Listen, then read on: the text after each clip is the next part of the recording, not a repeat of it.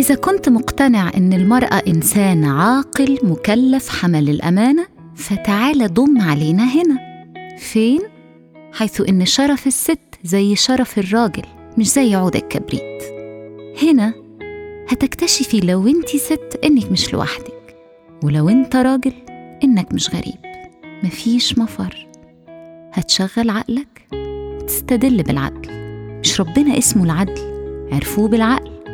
وعبدوه من غير ما يشوفوه يوميات واحدة ست تجربتي وتجربة ستات كتير إحنا بني آدمين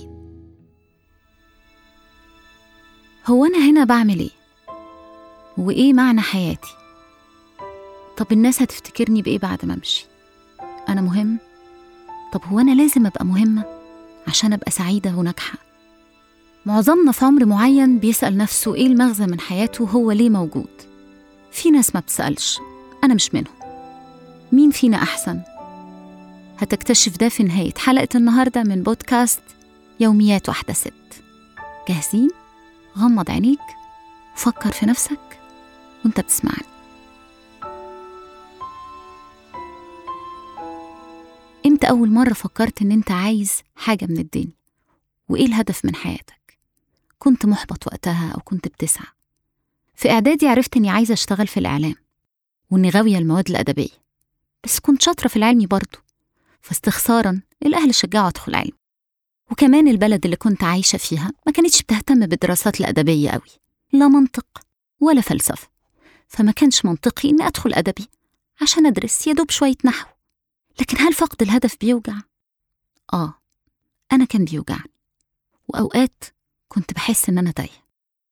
لكن كمان خدت بالي إن في لخبطة بتحصل عند الناس وحصلت عندي بين الشغف والهدف من الحياة. اتفرجت على فيلم Soul اللي بيعرض دلوقتي في السينمات الأمريكية وعلى منصة Disney Plus. ده فيلم animation بس مش الأطفال خالص بالعكس.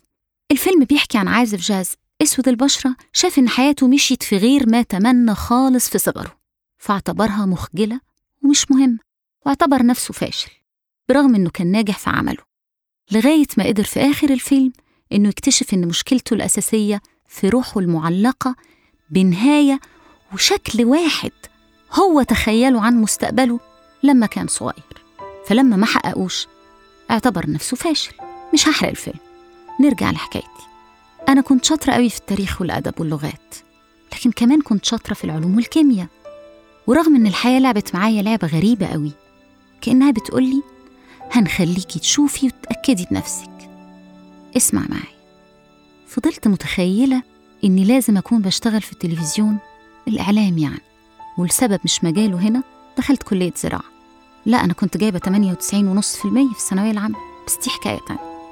اتخرجت وقررت عيني في الجامعة قطعته وخبيته لأني كنت متخيلة صورة لنفسي اللي هي إني بشتغل في التلفزيون والإعلام. فبعد التخرج درست إعلام دبلومة وماجستير واشتغلت. أول ما اشتغلت في فضائية بعد ثلاث سنين بحث عن فرصة ولو متدربة افتكرني بس وانت بتتفرج على سول لأني عملت زي البطل عازف الجاز بالظبط. بعد أول يوم شغل سألت نفسي أيوة بعدين؟ مفيش بعدين هتيجي بكرة. بس كده؟ آه بس كده. مش هحكي لك بقى ولا هحكي لك. الدنيا لفت بيا قد إيه؟ إيه ده؟ أنا تعبت قوي مشاوير من حي النزهة في مصر الجديدة مكان ما كنت ساكنة. بناتي صغيرين قوي لسه ما عنديش عربية. بروح جامعة القاهرة في الجيزة. محافظة تانية. وأنا أصلا كنت لسه بتوه. لفت كل الصعوبات والتحديات اللي تجاوزتها من دراسة مع حمل وجود طفلين ولازم أجيب تقدير في الدبلومة عشان أسجل ماجستير وبيت وقراءات ومشاهدات وتحضيرات. ياه! ملهاش أول من آخر. للحظة الحسم إني أشتغل في الإعلام. نسيت أقول لكم كمان إن أنا أول يوم شغل ليا كنت حامل في ابني الرابع في الشهر الرابع.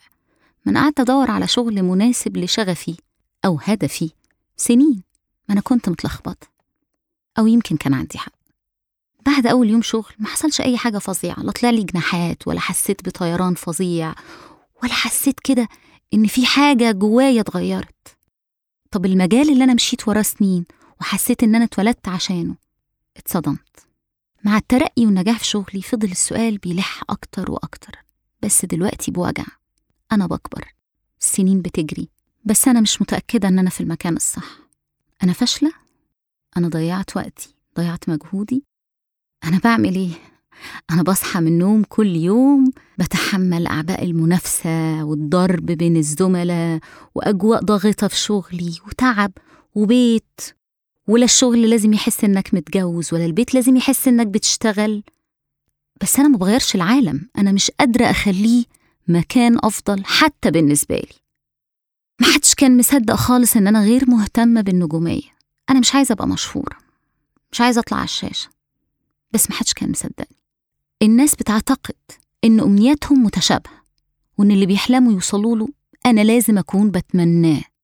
وفضل سؤال انت إزاي ما بنشوفكيش على الشاشة؟ بيسيب واقع سخيف قوي عندي. أكتر من هنفرح بيكي إمتى اللي الناس بتسأله لكل بنت لسه ما اتجوزتش. وكأن البنت بتنجح وتشتغل ورا الكاميرا لغاية ما تطلع قدامها كمحطة وهدف توصل له خصوصا لو شكلها مقبول حبتين.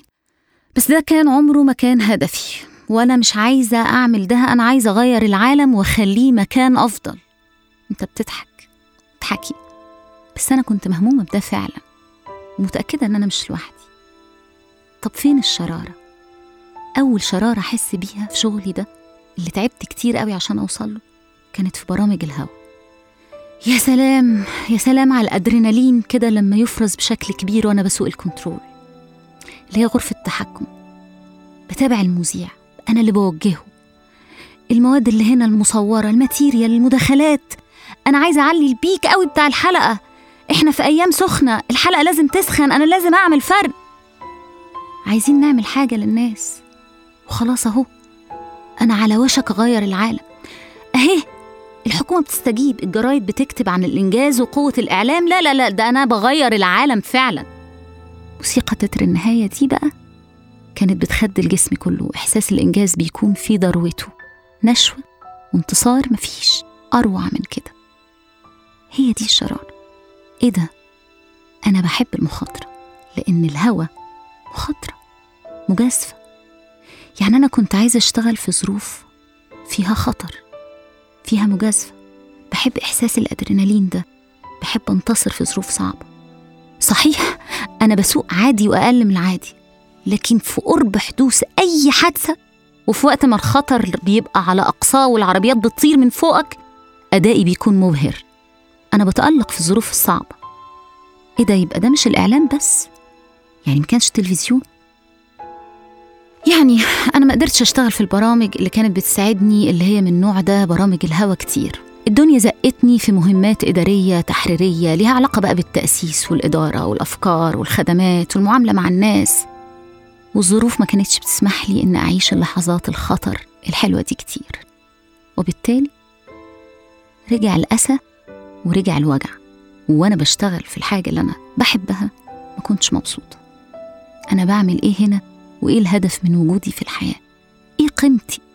لا ما تقوليش انت عندك أربع عيال ربيهم. عشان كوني أم لا هيلغي إنسانيتي ولا طباعي ولا هيشيل اللي أنا حاسة بيه جوايا ده وبحكيهولك. بحكيهولك. فضلت أدور على إجابة للسؤال نفسه حتى في كل لحظات العمل اللي بيتحول فيها الروتين.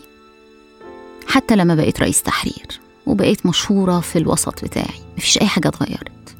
بس في يوم سمعت جوزي بيقول لي حاجة.